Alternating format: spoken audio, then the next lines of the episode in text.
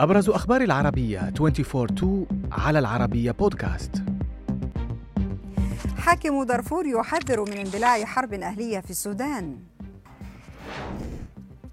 ترامب يرفض مشاركة عائلته بالسياسة. مروا بالجحيم. بدلة رجالية مرصعة بالماس. تتصدر الترند في مصر.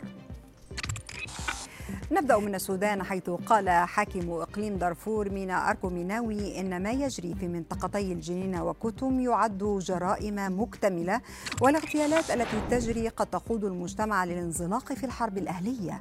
ميناوي دعا مجلس الأمن لدعم المحكمة الجنائية الدولية في التحقيق لما تم من اغتيالات وجرائم وقعت في دارفور مشددا على دعوته أطراف النزاع في السودان للجلوس إلى طاولة المفاوضات لإنهاء الحرب. كما دعا حاكم الإقليم الاتحاد الأفريقي لأن يكون له دور في حل الأزمة دون تسييس للتحركات الإقليمية. تزامنا مع محاكمته في أكثر من قضية. رفض الرئيس الأمريكي السابق دونالد ترامب انخراط عائلته بالعمل السياسي مجددا وقال إنه لا يريد لأبنائه أن يخدموا في إدارته مرة أخرى إذا فاز بولاية ثانية. وخلال مقابلة مع فوكس نيوز قال ترامب إنه يعتقد بأن عائلته اكتفت من السياسة وهذا أمر مؤلم للغاية بالنسبة لعائلته مضيفا عائلتي مرت بالجحيم على حد وصفه. وأكد الرئيس الأمريكي السابق أنه سيستعين بأشخاص أفضل وأكثر جدية في حال عاد للبيت الأبيض.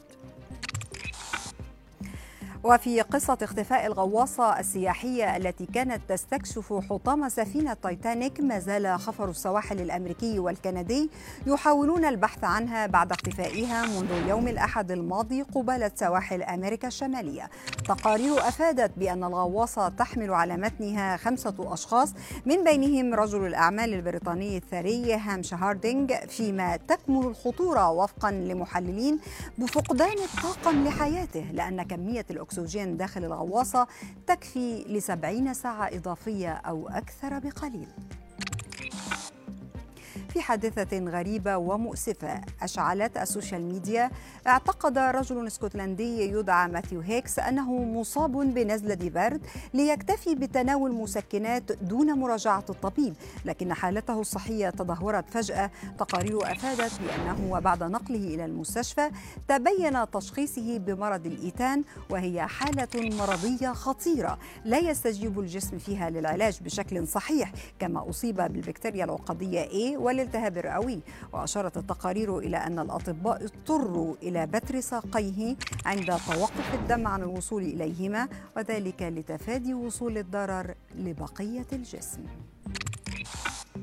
وفي خبرنا الأخير حيث ضجت مواقع التواصل بصور وفيديو ترويجي لمصمم أزياء مصري شهير يدعى إسلام سعد مرتديا ما قيل إنها أغلى بدلة رجالية مرصعة بالماس وسائل إعلام نقلت عن سعد قوله إن سعر البدلة وصل لنحو 20 مليون جنيه مصري أي ما يعادل 650 ألف دولار.